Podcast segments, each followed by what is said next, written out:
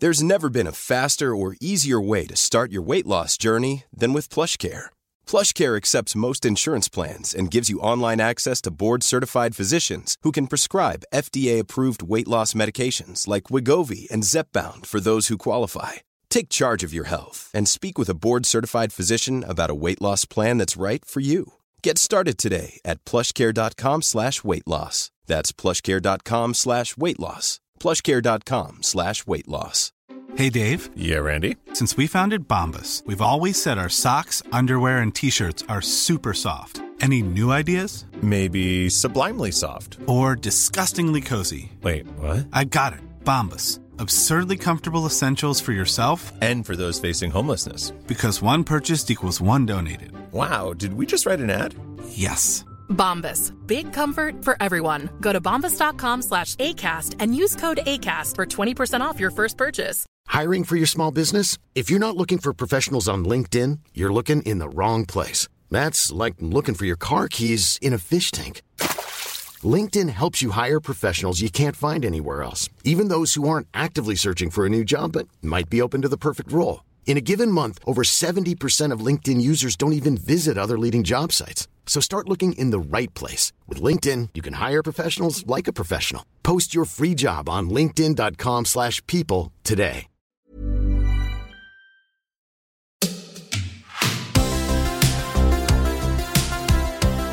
Hej och välkomna till Denke och Berns. Idag är det bara jag, Berns, på plats.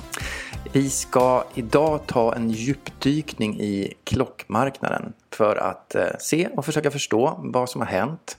Det har rört sig väldigt mycket här det senaste halvåret och Eh, vi ska ta lite experthjälp eh, från ett antal olika eh, pod podcastsändningar.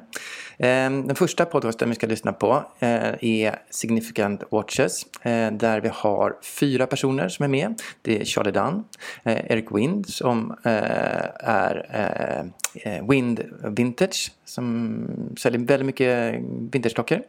Vi har eh, en samlare som heter Gabriel Benador och sen så har vi Tony från Rayscapement.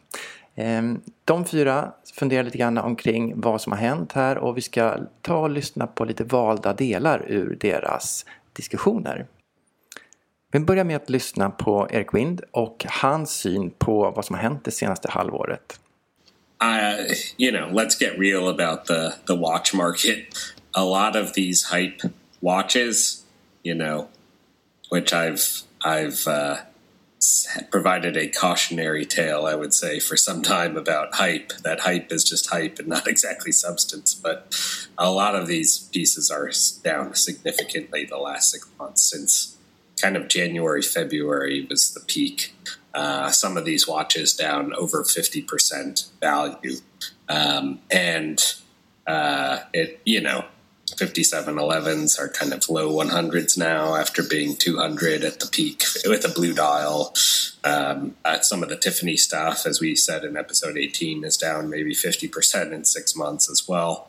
Um, so it is. Uh, you know, it's it's not a good situation for many modern watch dealers because they own inventory way too high.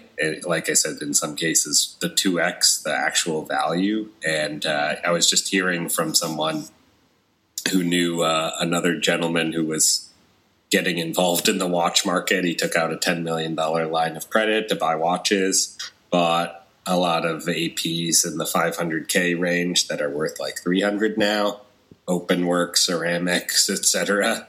Uh, and he is uh, obviously not going to be doing well. so he's got to pay his his line of credit. So uh, that's also the case, I think, with some of the bigger players in the watch market. We're going to see a lot shake out the next couple months, but um, Ja, han beskriver alltså hur många handlare sitter på ett lager som de köpt in dyrare än vad de kan sälja för just nu. Eh, och det kan få flera handlare att gå omkull. Eh, Erik fortsätter sen att eh, fundera omkring hur beteendet har varit jämfört med det man försöker hitta eh, hos en flickvän eller en fru när han spekulerar lite grann. Vi lyssnar in. I, I joked with Logan that like the vintage watch market is like the you know, like the like the great like steady girlfriend people were chasing the the IG model, IG babe, but then realize she's not exactly wife material, and uh, better to find someone who's like steady and gonna be a good mother to your children and all those sorts of things. so um, I think uh, that's been the vintage watch market. It's been kind of increasing at a steady clip the last two years, but not nearly the sort of 4x run up we saw on some of these hype pieces in, in less than two years. Um, and now back down. Uh, so I think, um, you know, that's kind of what I was saying. I still see huge demand for great vintage watches in great condition. Um, and I, I don't think that's going anywhere. You know, if you get a really great vintage piece, like the Triple Crown, hopefully amazing condition, uh, good provenance, and then for some people they really want the box and papers stuff. Um, then it'll be gone in one text message. Is what I tell people. Det man också får komma ihåg är, är att just Erik, Erik Wind är en av världens största vintagehandlare. Eh, och det är såklart att han pratar mycket i egen sak. Men eh, Gabe kommer in i nästa session här och ställer en fråga om vad det är som driver priserna neråt. Vad det är som gör eh, att den här förändringen har skett. Och det här tycker jag, nu börjar det bli riktigt intressant. Nu börjar man förstå lite grann vad, hur den dynamiken är med de här nya klockorna.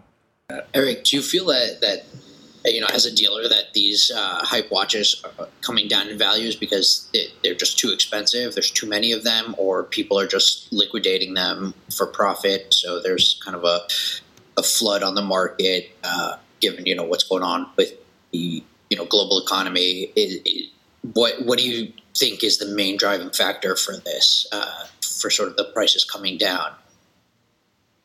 I think it's you know it's never just one factor. I will say the watch manufacturers are pumping out watches like never before, is my understanding. Um, my understanding, talking to a number of US Rolex retailers, is that May was a record month. Uh, just talking on the Rolex side, Rolex delivered more product than probably any time in their history to retailers in May.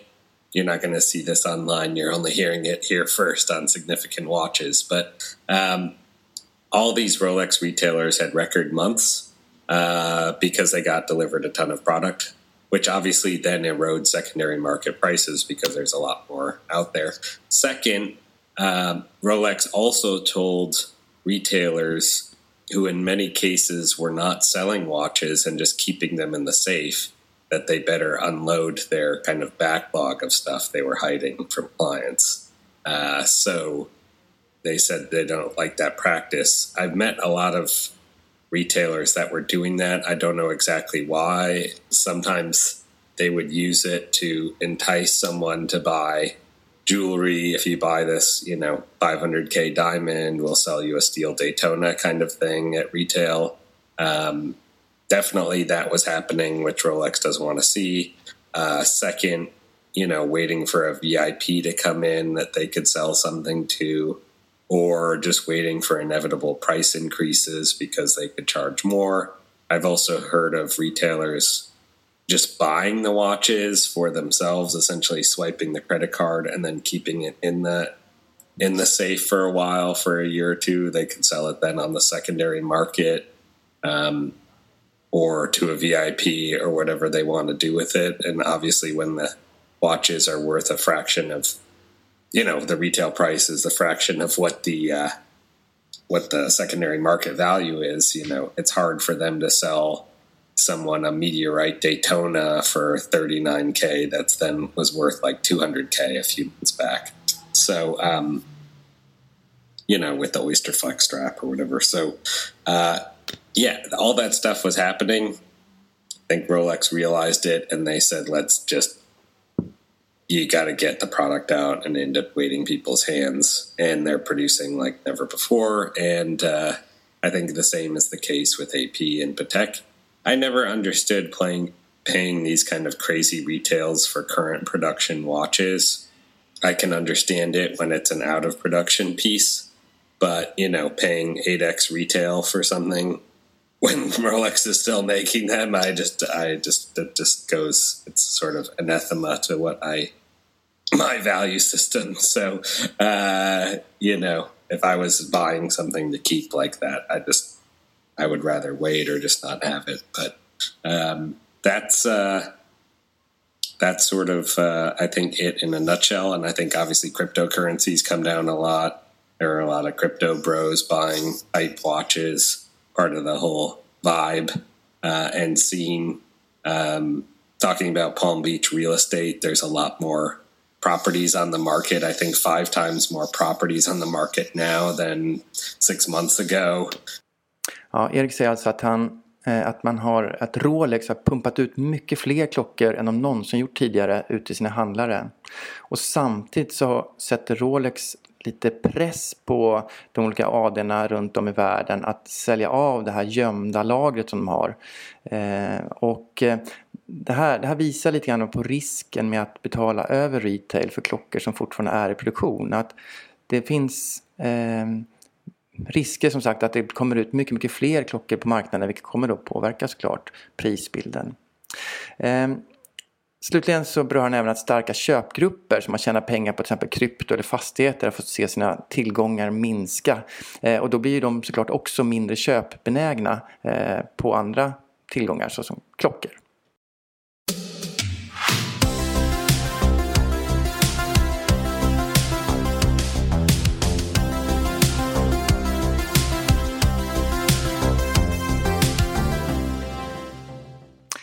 Nästa sektion så får Gabe en fråga. Eh, Gabe jobbar ju, eller är ju mera inne på independent och kanske annan typ av klockor än, än Erik.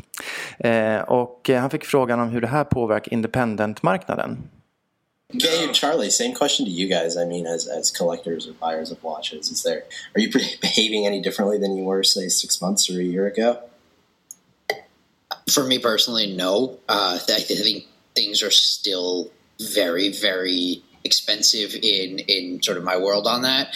Um, you know, a lot of the indies are are up. Uh, you know, still significant before to before COVID at least, and you know the interest is still there, and production is relatively limited, especially when you take it into consideration with uh, larger brands. So I don't think the prices in the indie, indie world will come down much, if if at all. I mean, I was just looking at DV28 to watch that I've had. Um, they're they're touching you know over 180,000 asking asking price, which is uh, you know unheard of. Three four years ago, they were in the 20k range. If you know if that, um, if you could even get them to move. Um, but I, you know, I think again, it's there'll always be buyers for for great condition vintage watches, as Eric has said, and you know, I don't need to beat a dead horse on this, but I think it'll be, I, I think it'll be really, that's the place, that's the place to be. Um, you know, it, it, there's great watches on the indie side and on the vintage side, and you know, vintage kind of took a backseat for the last uh, couple of years to modern hype watches. Hopefully uh, we won't pay attention to all the different versions of the RM11, and you know, all of a sudden, uh, a white one is six hundred thousand dollars. None of that anymore, and we can spend uh, reasonable amounts of money and get some good watches, and not, you know, uh, lose our shirts on it all the time. But yeah, I mean, I think I would just stay away from the hype in general because look, I mean, they're they're trending down, and uh, there's a lot of them around. You know, there's no shortage of 15202 AP Royal Oaks. There's no shortage of 5711s. No shortage of uh, of RMs right now. So, uh, you know, barring that, I would I think yeah, people people are pretty safe if they wait you know a little bit until prices start to trickle down a little bit on some of that. But I think on all the, the indie stuff and some really good vintage stuff, I don't think it's going to soften too much. So Eh, och enligt Gabe så det tillverkas ju en väldigt begränsad upplaga av independent-klockor och de påverkas inte alls i samma utsträckning. Eh, han, han lyfter även fram att det här gäller både independent och eh, vintersklockor, riktigt bra vintersklockor i fint skick. Det vi kan fundera på då det är lite grann vad en klocksamlare eller en entusiast ska göra nu. Och vi lyssnar lite grann på Erik och han ger sin bild av hur vi ska bete oss. What should collectors be looking to do uh, it, as the sort of economic downturn that we've been talking about takes takes full effect? It's I hate sounding like a broken record, but it's just condition, condition, condition. So I think if you're reviewing your collection and um, it's uh, you've got some pieces that are maybe lacking a bit on that front, then you know I've heard people say, "Well, maybe I should wait to sell them." Uh, my opinion is, why wait if the watch is not wonderful? It's worth you know looking at selling. I don't, you know, also if you have a portfolio of hype pieces, like someone asked me about an RM recently if they should sell it. I said, Do you think it's honestly going to be worth more six months from now than it is now? Like, sure, it's worth less than it was six months ago, but is some, they're going to be some like, boomerang and it's going to be back where it was. Like, I, I don't really see that. So I think now there's no time like the present uh, is what I told him. Uh, that's why they call it the present because it's a gift. But uh, I think, you know, you've got to look at just selling some of the stuff. You know, it's a pat. It's the other windism, the passion versus uh, investment ratio. You know, there's watches that I'm very passionate about that I will basically never sell, um, and you know, you don't really care if it's worth like 30% less or 50% less or 100% more. I mean, if you're buying it for the right reasons, and that's the reality, I would say, with most vintage collectors that I work with, they're buying it because they love it, not because they care exactly what it's worth. Ja, som man säger här att sitter man då på riktigt hypade modeller och kanske har funderat på att sälja dem, då kanske det är lika bra att ta säljet nu. Eh, det kommer förmodligen inte bli bättre inom det närmaste halvåret. Eh, men har man tänkt behålla sina klockor eh, då finns det väl ingen anledning att trycka ut dem just nu. Och han tar också upp skillnaden med eh, eh, passion och investerare. Om man äger en klocka på grund av rätt anledning så spelar kanske en prisuppgång eller nedgång inte så stor roll. Det är inte det som gör anledningen till att man behåller klockan eller inte behåller den. Slutligen så berör Tony från Rescapement eh, att det märks på de olika dealerchattarna att det är en viss oro bland handlarna. Collector versus from dealer to dealer. I mean, you'd imagine that the the you know the data that's shown isn't necessarily as um, as sketchy as as as one could imagine, right? Because just looking at some of like the dealer chats, you kind of see a little bit of people running around like their hair is on fire with watches at some points. Eh, och detsamma, eh, den här oron, tar även Tim Bender upp i sin podcast. Tim som är, driver eh, Instagramkontot Fog City eller sajten Fog City har en podcast som heter Dialed In där han har en gäst som beskriver just de här bitarna. There's so much supply about to come on. Yeah. Okay. And when somebody blinks and is like shit, I've got to get out of not one Daytona. I've got to get out of five, and I know this guy has to get out of ten, and this guy has to get out of six, and this guy's going to get out of twenty. Who's going to be the first one that starts selling those modern ceramic Daytonas in the mid twenties? Right? Because if there's a thousand of those for sale, which there probably is, the price is way lower. It's the same as a stock, and that's why I think these are going to crash. Like if someone's getting out of, you know, whatever, 100,000 shares of Tesla, it's fine. It's going to be at the last price. But if someone's got 20 million for sale, stock might go down 30%. Yeah. It, and the same with these watches. There's probably out there, like, let's just keep it at a ceramic Daytona Black Dial.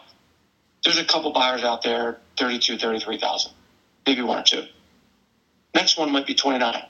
But, you know, the thousandth is probably about 18,000, which means it's where they go to. And who blinks first? It's not the buyer. The, the buyers, the buyers are telling you right now that they are not buyers at these prices. Många handlare sitter alltså på stora lager och när de väl bestämmer sig för att sälja, sälja av så kommer väldigt mycket klockor komma ut på marknaden. Han fortsätter sen att diskutera hur oansvarig många dealers har varit. Det är en ung bransch och många har aldrig varit speciellt intresserade av själva klockorna. Look, those dudes made reckless purchases. Reckless. I told you the dude, like a really, really prominent dealer, but he's only been in the market 10 years. He's never, ever, ever seen a bear market.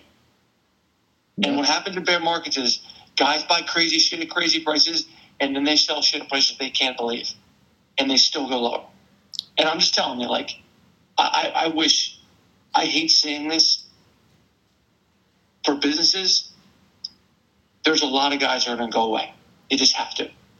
There's too many guys did too much stupid shit, and the result is they have to go out of business. Now, some of those dealers are complete assholes because they just gobbled up the market and they, and they didn't care about watches, the beauty, the art. They were just they were just a bunch of whores trying to make money and squeeze all the retail guys so they pay higher, higher, and they kind of fucked up the beauty of the market. But now there's a price to pay. And look, I, I think in the next six to eight months, a lot of these big modern dealers won't be around unless they were super, super careful over the last five years and were really diligent with their money. But clearly they weren't. Han tror alltså att eh, många dealers kommer att eh, försvinna från marknaden. Att det kommer att eh, rensas ur bland de som har kanske skött sina affärer på ett bättre sätt eller sämre sätt.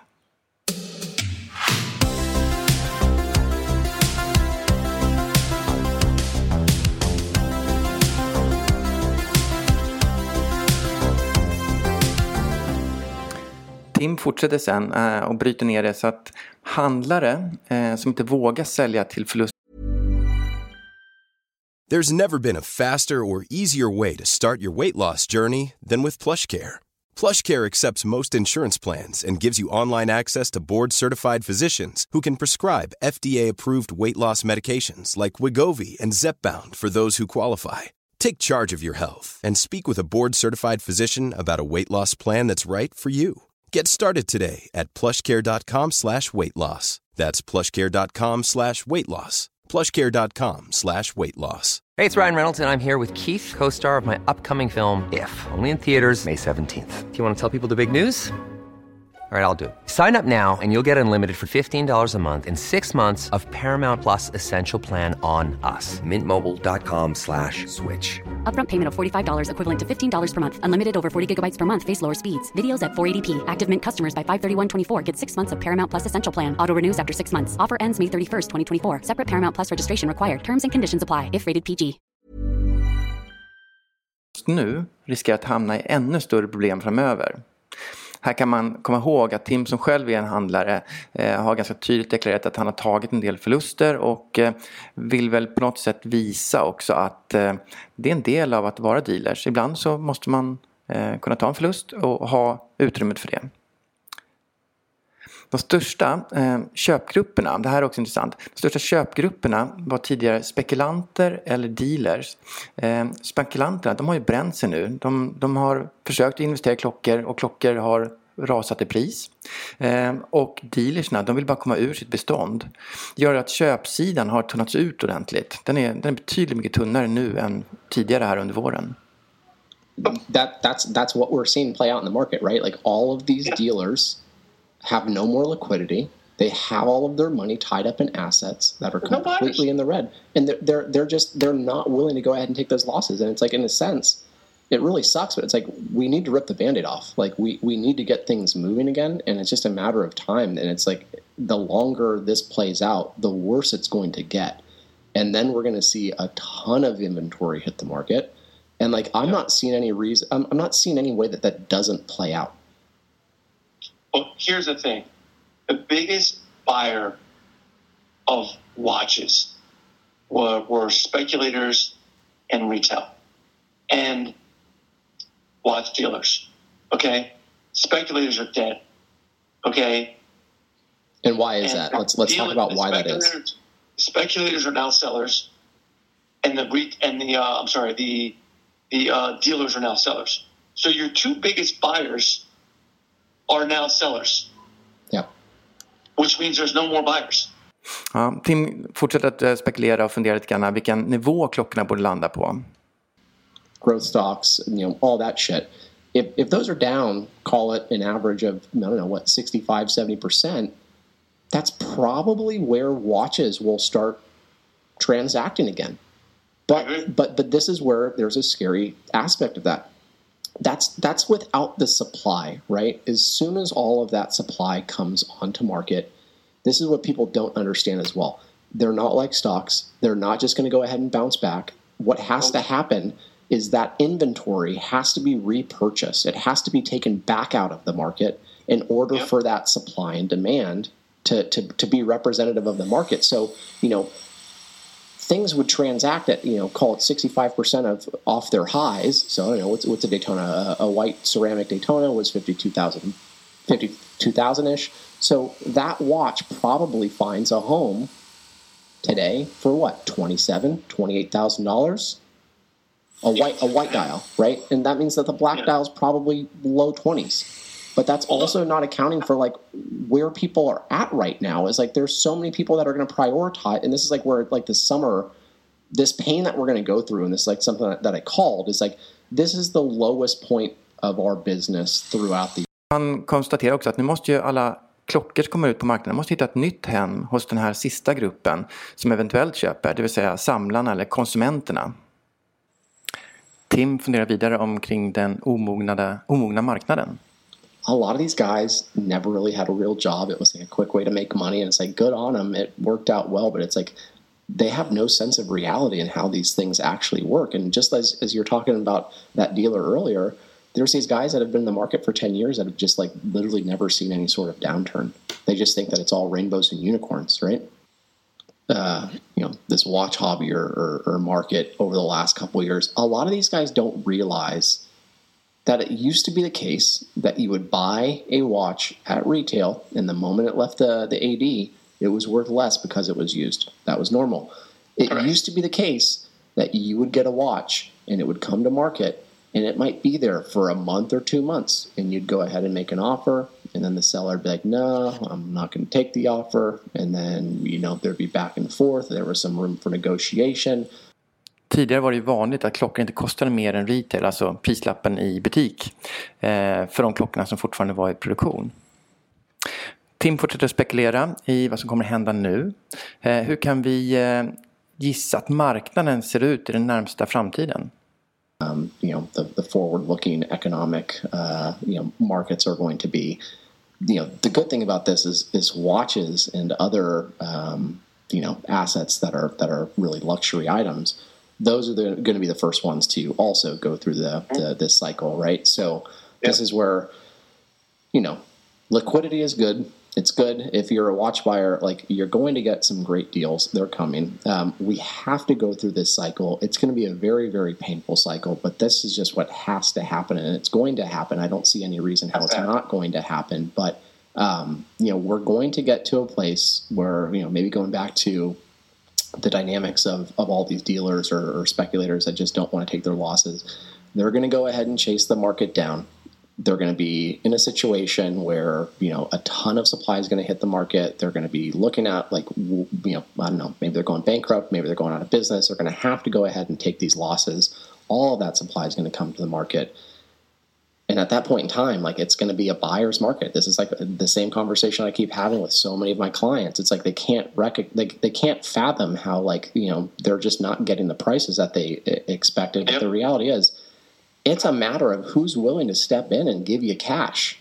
And and and these people are going to be forced to sell at whatever the market is willing to pay.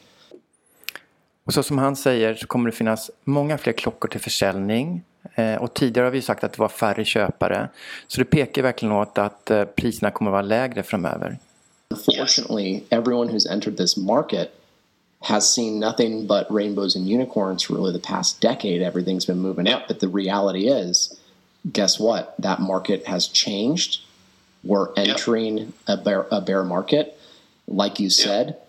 you know, I'm going to leave this to everyone that's out there. Really take stock of what's happening there's not really any arguments that I've heard that are going to lead this to being a positive outcome. It's an unfortunate thing. I've taken loss. I've advised my clients to take their losses. I've put my money where my mouth is. I've tried to be as honest and transparent with people as possible. The reality is, things are going to get a lot more fucked. There's going to be a ton of supply that's coming to market. When that happens, And I don't know what that event is going to be that's going to lead that to, to happen, but certainly time is going to put that pressure on, if, if anything. But when that happens, these prices are going to move lower. There's going to be no buyers, and it's going to get worse and worse and worse. It's an unfortunate reality, but that's how financial markets work, and we're seeing that play out. So Och han konstaterar också att den nya marknaden är en bear market. Alltså det, vi ser framför oss en dyster framtidsgissning från Tim här.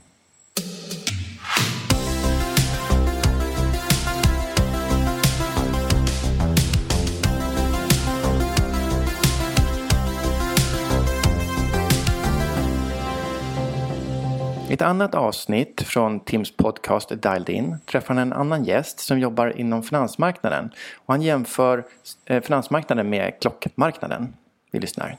And so like one, one thing I would say on the side of this, and you come across a lot of guys who who own like, you know, six, seven, eight, maybe 10, maybe even 12 watches. They might have like 200 grand in watches.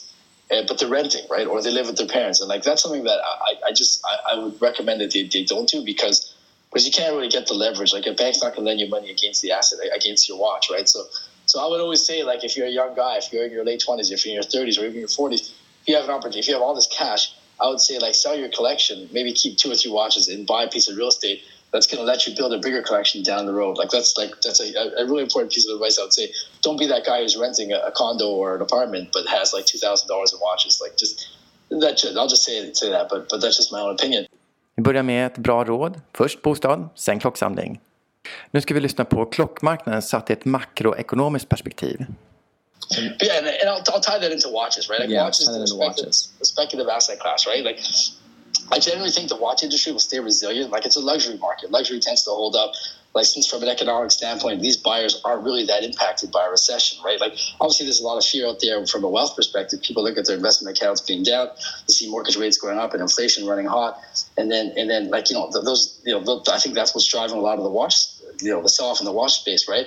People are just hesitant to spend just out of fear of uncertainty, right? And then and, and like just as an asset class, like just speaking just like fundamentally or just watches they're, they're speculative speculative assets they don't generate cash flow right? If an asset doesn't generate cash flow there's no intrinsic value. So we don't really know what the value of a watch is right? So it's like you know they are hard assets. They, they can't produce a ton of these right? Like they, especially vintage you can't produce any new vintage pieces. There's only a finite amount left in the world. So i think that's going to continue to support the market uh, overall. But in general like to say where the bottom is in watches like uh, I take a 60, uh, six, uh, 166.10, for example, that was trading at like full set, uh, was probably trading at like 13, like maybe 13.5 at the, at the peak. And now you get them for like 10, you know, 10.5 full set. You know, that, you know, that's, that's pretty significant downside, right? So uh, do they go to nine? I doubt it. I don't know. I, I, I think everyone's going to be buying them up at nine. So like that, that's going to be the floor, right? So my point is, I think the watch market has, has seen a pretty big sell off call it twenty percent. Like easy suffice to say, I'm, I'm, I'm. I'm not talking about the, you know, the gold Daytonas or like the all, all the stuff that like the the 57, 11s, and 12s, that stuff that took massive hits because they were like you know the, the, the prices went significantly like, insane. But just broadly speaking, I think you know twenty percent sell off. It's safe to say across the board. Uh, but I think you know I, I can't see another fifteen percent sell off. I, I can't see twenty. So I think like you're getting to levels where like Look, I'll give you an example. I have friends that aren't in the watch industry, and they've been telling me for years, Don, like these prices are crazy. When can I buy a watch? When can I buy a watch? And I've been telling these guys, look, guys, if you're not buying a watch right now, today, fuck it, you're never gonna buy a watch. Listen to me, like just don't just don't waste my time in the future. If you're not gonna buy a watch right now, you're never gonna buy one. Även han lyfter fram vintage som en tryggare investering eftersom de inte produceras. Han tror inte heller att marknaden kommer falla så mycket mer. En aning kanske, men inte så mycket. Det är skillnad med de superhypade modellerna som Nautilus 5711 och så, sådana. Eh, han ger rådet att, också rådet att det är faktiskt köpläge om man är intresserad av att köpa sin klocka just nu. Eh, vi lyssnar vidare och Tim lyfter fram att det är sunt för branschen det som händer. Att bli av med det som han kallar för covid backpackers dealers. Eh, han eh, ville, eh, talar också om att eh, eh, tillgången ska matcha efterfrågan från konsumenter eller end user istället för att det ska drivas av spekulation. Those people are just no longer going to be in the market, but that's that's also like it's a healthy thing though, right? it's all of those people who entered the market, and I'm going to call them speculators. I don't know what we, what we call them, dealers, crypto, or you know, what do they call them, like COVID backpack dealers? Like a lot of those mm. guys, they, I mean, they're responsible for how fast the market got got like how fast it ran up, right? But like, we need to strip all that shit back out, and it needs to go to the mm. market and to people who are actually consuming those goods. And right mm. now, the market's saying we're not willing to pay these prices. So like, we need to get to a place where it's like that demand is really representative of like what the what what the you know the end user is for those pieces. So yeah, I don't know. I, I think like I, I don't see on the modern pieces as quick of a recovery, but like you know to your point, scarce good examples of things that are out of production and have been out of production for 20 years. Like if there's a very strong watch market, like yes, people are going to go ahead and buy up those assets, and it's it's much easier because the end user of those is a watch person. They're people that you know Yeah. have money that appreciate these watches. So, you know, I would love for it to be sh- shorter shorter lived than it seems like it's been. Um, Yeah. You know, there's like an interesting dynamic that like you know it's just interesting to highlight that further like strengthens the case of um, you know just how much people are like are truly watch people. Um, but you know, surprisingly, there hasn't been a ton of end users selling right for like how fearful it seems to be in the market. It's not like I have uh, you know hundreds of people a week that are reaching out to me saying like I have to sell it, I have to sell this watch, right? So we're not seeing that yet. konstaterar att det inte är jättemånga end users som säljer just nu. Slutligen ska vi tjuvlyssna lite grann på ett avsnitt som jag spelat in med Francesco. Eh, Francesco är en internationell klockhandlare eh, som har jobbat med det här i många, många år, i flera generationer faktiskt. Eh, och jag gjorde en intervju med honom tidigare i veckan. Eh, vi kommer att sända hela det avsnittet lite senare, men vi plockar lite saker eh, när han beskriver hur eh, andrahandshandeln med klockor fungerar. Ehm, So the market was growing uh, like every week, every Mm. month, Mm. uh, but by thousands of euros. Yeah. Like let's say, like for for example, a watch you were buying for eighteen thousand um, a week before, uh, a week later you were buying for nineteen. Yeah. That's something you cannot. Uh, Keep, keep going. No. I mean something that that, that stops because It has to stop some- you- somewhere, You can you cannot grow like like that exponentially. No. So that that was that was something that was gonna was gonna happen. It's gonna Mm. finish.